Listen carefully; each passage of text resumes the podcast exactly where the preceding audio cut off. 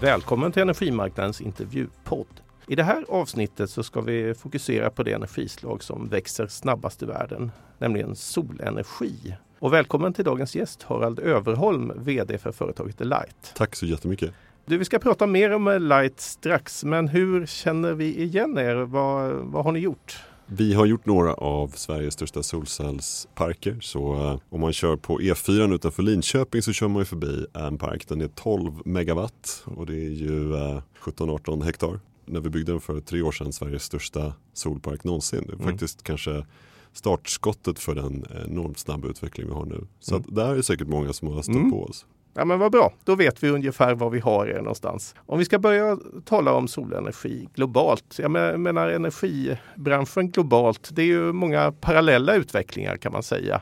Jag menar eh, oljan till exempel så gör ju de stora oljebolagen rekordvinster 2022. Men samtidigt går det inte att komma ifrån att det sker en stark förnybar expansion. Investeringarna ökar och sådär. Om du ska sätta in det i sammanhang, hur ser utvecklingen ut för solenergi globalt? Den är ju explosionsartad för att använda kanske en kliché här, men mm. det är ju faktiskt fantastiskt. Förra året, och nu har datan precis börjat komma, 2022, mm. då ökade då mängden byggd solenergi med 50 procent. Och inom bara några år nu, två, tre år framåt så kommer vi bygga lika mycket som vi någonsin har byggt tidigare. Mm. Och då får man tänka att vi har byggt sol sedan 70-talet. Ja. Så det här är en oerhörd marknadstillväxt som man måste ju leta ganska mycket för att hitta andra marknader som ja. har samma tillväxttakt. Ja, det är häftigt. Om vi tittar på Sverige då, hur ser utvecklingen ut här? Minst lika snabb, men eh, det verkar nu, nu såg jag precis eh, data om 2022 för första gången. Mm. Det verkar vara åtminstone dubbelt så hög hastighet i Sverige då som internationellt. Nu kommer vi från lite mindre ja. bas i Sverige då, men mängden byggd solenergi i Sverige mm minst 100% upp då under 2022. Mm. Kanske ännu mer, kanske mm. 200%. Så att det är ju ja, är det ju återigen explosionsartat helt enkelt. Men Sverige kommer ju från en relativt liten bas. Ja. Eh, men eh, så vitt vi kan bedöma nu så går det här ännu fortare i år. Så mm. Mycket spännande. Du, om vi tittar lite på möjligheterna för solenergi i en svensk kontext då. Det där kommer ju alltid upp. Hur stort kan sol bli och vilken roll kan solenergi spela i det svenska energisystemet om vi tittar några år framåt? Mm. Ja, men, och frågan brukar alltid, när man får den där frågan privat, då är det alltid också lite så här, men ja. sol funkar i Sverige ja. och, och det, vi har inte sol på vintern. Men faktum är att ser vi in i framtiden på, mm. den, på, på någon slags vision av ett, ett energisystem så spelar sol en väldigt stor roll i Sverige. Och med stor roll, låt säga 25-30% av den el vi producerar och konsumerar mm. eh, nästan givet kommer att komma från sol. Då får vi tänka att vi ser framför oss en, ett system, energisystem som har mycket lagring av, av olika slag, inte bara batterier, men, men mm. olika slag. Som är ihopkopplat i en högre grad med omvärlden så att det händer väldigt mycket. Det, här, det är ett system som balanserar sig själv på, på systemnivå. Och där kommer då på årsbasis minst 30% av elen från sol. Och det får man ju säga spelar stor roll. Ja. Alltså 30% är ju någonting som, som då har, är en, en, nästan en, en av hörnstenarna i vad vi gör. Ja, verkligen. Kommer vi få se de här riktigt storskaliga solcellsparkerna i Sverige också då? Det gör vi redan nu. Vi själva byggstartar nu under andra halvåret en park som är minst fyra gånger så stor som den största parken som finns idag. Mm. Så då är vi uppe i, jag kommer inte ihåg hur många hundra fotbollsplaner det är, men det är två, 200 fotbollsplaner och sånt där. Mycket fotboll. Men, eh, och då vet vi ändå att det finns till exempel en finsk aktör som precis har sökt tillstånd för en park som är ytterligare då fyra gånger så stor som den som vi startar. Mm. Det vill säga, ja, vad blir det? Fyra gånger fyra? Den är 16 gånger så stor som den största parken som Sverige har idag. Mm. Så det där händer ju. Men, men jag skulle samtidigt säga när vi tittar på sol som helhet att tillväxten i sol handlar inte bara om att man bygger större och större parker. Mm. Utan sol är ju unikt som kraftslag i att det är modulärt. Man bygger det litet, mellan stort och stort. Så att mycket av den här tillväxten vi ser kommer ju från bara den stora mängden av små installationer. Mm. Och det är klart att ett, ett antal jätteinstallationer bidrar ju till ett, ett, äh, årstakten också. Men sol är ju liksom varit speciellt att så fort någonting kanske inte funkar, om det är någon viss typ av anläggningar som där det blir något regulatoriskt problem, mm. och så här, då händer alla andra eh, typer av anläggningar parallellt. Så mm. till skillnad från till exempel vind som kanske kör fast ibland så, så ja, men jag tror vi kan förvänta oss väldigt mycket från sol oavsett om de här stora anläggningarna händer eller inte. Mm. Vi pratade om Alight i början här och du är VD för Alight. Kan du berätta lite om företaget och de mål ni har satt upp och hur tankarna ser ut för de kommande åren. Mm. Och jag har lärt mig av erfarenhet att börja med att bara förklara vad är det vi gör. Ja, för det är så lätt att missa så. det. och det här är ju en ny bransch ja. Eh, och, och, det är inte självklart vilka affärsmodeller som finns. Mm. Men det vi gör då väldigt konkret är att vi bygger och äger och förvaltar solanläggningar. Så det är våra. När vi bygger så bygger vi åt oss själva då. Mm. Men sen så säljer vi elen. Och ibland så kallas det här Solar as a service eller något liknande mm. som kanske låter lite onödigt abstrakt. För det är ju bara att sälja el, det är ju mm. vad alla el, elbolag gör. Men mm. när vi möter kunder så bygger vi något nytt för att sälja elen till dem. Alla våra kunder är företag så att vi jobbar bara med stora installationer. När vi sen har gjort det här, vi gör det här både på hustak, alltså deras egna industrier och mm. på fält. Det här har vi hållit på med länge och nu gör vi det över hela Europa. Mm. Så, att, så, att, vi har gått från en svensk bas till att göra det över hela Europa. Och då kan man ju undra varför det är något speciellt med oss och hur svårt det är här och så. Men ja. om jag får ta en liten avstickare då in i historien i den här mm. branschen så, och, och, det kanske många vet att europeiska solbranschen kommer ju från statliga subventioner. Mm. Man har byggt och, och, gjort det vi gör, byggt, ägt och förvaltat men man har bara sålt elen till staten. Mm. Det kunde inte vi göra i Sverige. Så, så, när vi startade i Sverige så var vi tvungna att lära oss att sälja till företag. Mm. Nu händer det på Europanivå så att på, mm. de statliga subventionerna rullas tillbaka.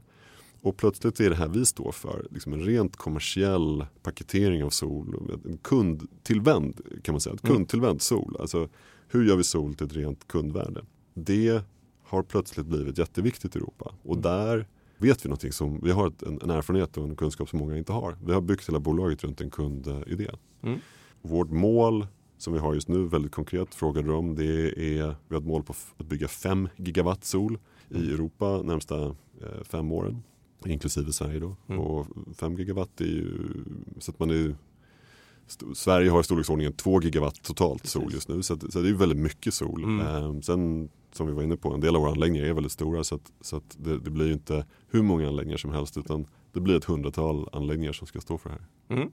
Ni fick ju en ny majoritetsägare här i höstas. Vad har det betytt för er? Väldigt mycket positivt. Det var, vi tog in ungefär 1,6 miljarder mm. eh, kronor. Och sen så gick de in med ytterligare 200 miljoner för att köpa loss ett antal tidigare delägare. Och mm. idag är vi, äger bolaget 50-50 ihop. Då. Och det här var ju en av världens största infrastrukturfonder. Väldigt kunnig inom förnybart, har gjort förnybart i 15 år. Mm. Eh, I många fall skulle jag säga mer kunnig än vad vi är. Mm. Har gjort, investerat i sol och batterier i nästan varenda land. Mm. Det var en lång och tuff kapitalanskaffning eh, under 2022 som man kan tänka sig var en, en rätt stökig kapitalmarknad. Mm. Och eh, vi i slutändan fick precis de pengar vi ville ha från precis den investerare vi ville ha eh, med, med villkor som vi var väldigt nöjda med. Mm. Så vi var oerhört stolta över det. Och jag måste faktiskt på någon liksom, lite relaterad fråga hur det här känns säga att vi såg, jag tror det är ni själva som publicerar den här listan på topp 10 kapitalanskaffningar mm. i Sverige. Där vi kom in på om det var plats 8 eller plats 7. Mm. Eh, och dessutom så såg vi att liksom, mycket av resten av den här listan eh, 2022 var ju ja, det vi kallar för clean technology. Det var Northvolt, det var H2 Green Steel, det var det här mm. eh, ellastbilsföretaget. Så det kändes ju otroligt kul mm. att för första gången, nu har ju tech haft ett dåligt år. Ja, att, att liksom för oss som bryr oss om klimatförändringen att, att det är lite mindre fintech och, och lite mer cleantech som, mm. som tar in de här pengarna. Mm. Ni har ju en väldigt utarbetad affärsmodell. Så, eh, vad tror du om affärsmodellerna framåt då för, för Sol? Vad, vad, kan vi vänta oss? Är det fler som kommer kopiera er eller har, ser vi något parallellt? Ja, alltså vi tror ju, hur ska sol byggas framöver? Jag menar, när man bygger sol så måste man ha en idé om vem som ska betala för mm. elen. Kärnan i vår affärsmodell är ju att den som använder elen ska betala. Stora kommersiella kunder, företag och organisationer de använder 70% av all el i samhället och vi skapar en affärsmodell där de betalar för, för sol det, det tror vi ju är den enda sunda och det enda vi kan se i marknaden. Mm. Det är den enda sunda riktningen som marknaden går i. För att menar, det är inte meningen att stater ska betala för elen. Det är inte meningen att det ska göras på någon slags ren spekulation. Utan på olika sätt skapa kloka affärsmodeller som hjälper elanvändarna att betala och få rätt värde från det. Det, det är ju definitivt framtiden för, för solmarknaden i Europa. Om vi tittar på hela det svenska energisystemet, vilka, vilka tycker du är de viktigaste frågorna just nu då?